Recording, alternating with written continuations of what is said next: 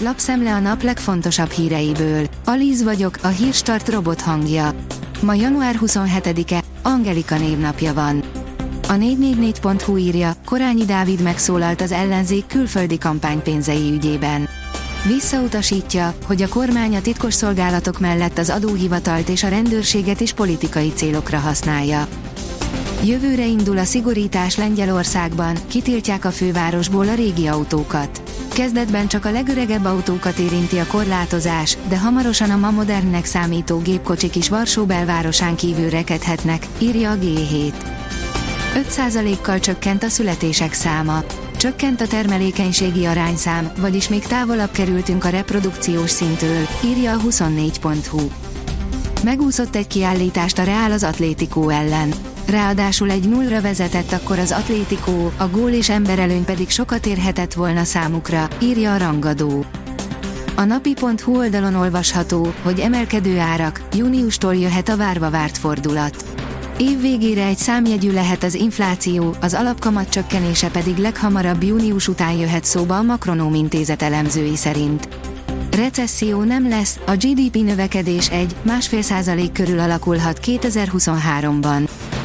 A vezes szerint meghökkentő jóslat érkezett a villanyautókról.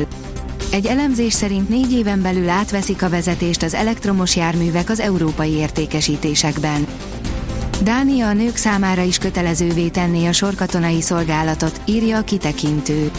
A legfrissebb tervek szerint Dániában a nők számára is előírnák a kötelező sorkatonai szolgálatot, mivel az északi ország jelentősen növelni kívánja fegyveres erőinek létszámát. Logót vált az Erste Bank. A pénzintézet megújult marketing stratégiájának középpontjában a szerethető bankolás áll, ami az egyszerűbb kommunikációban, a fiókok átalakításában és az új arculatban is megjelenik. 2023-tól modernebb a logó, színesebb és életszerűbb a képi világ, a szövegeket pedig a hétköznapi nyelvhez igazítja a bank, hogy ezzel is segítse az ügyfeleket, áll a növekedés cikkében.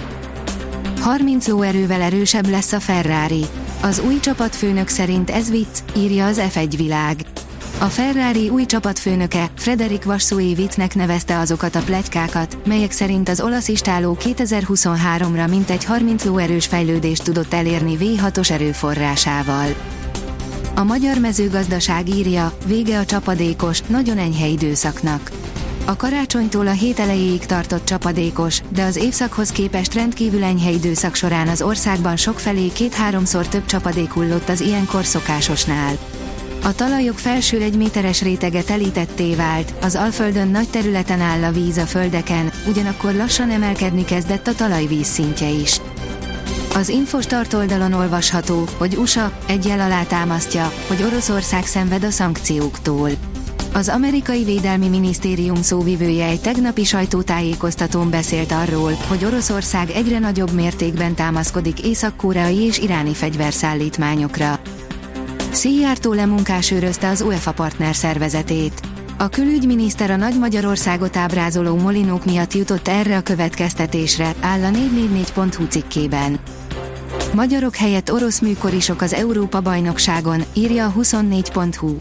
A Kósa Lajos által elnökölt Magyarországos Korcsolyázó Szövetség hat versenyzőt nevezett a szerdán kezdődött Európa-bajnokságra, ám közülük csak egy született magyar, egy Ukrajnában, négy pedig Oroszországban látta meg a napvilágot és jelenleg is orosz állampolgár.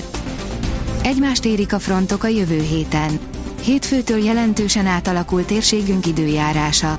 Észak-nyugat felől több front is átvonul hazánk felett, erős, időnként viharos szél és vegyes halmazállapotú csapadék kíséretében, áll a kiderült cikkében. A Hírstart friss lapszemléjét hallotta. Ha még több hírt szeretne hallani, kérjük, látogassa meg a podcast.hírstart.hu oldalunkat, vagy keressen minket a Spotify csatornánkon, ahol kérjük, értékelje csatornánkat 5 csillagra. Az elhangzott hírek teljes terjedelemben elérhetőek weboldalunkon is. Köszönjük, hogy minket hallgatott!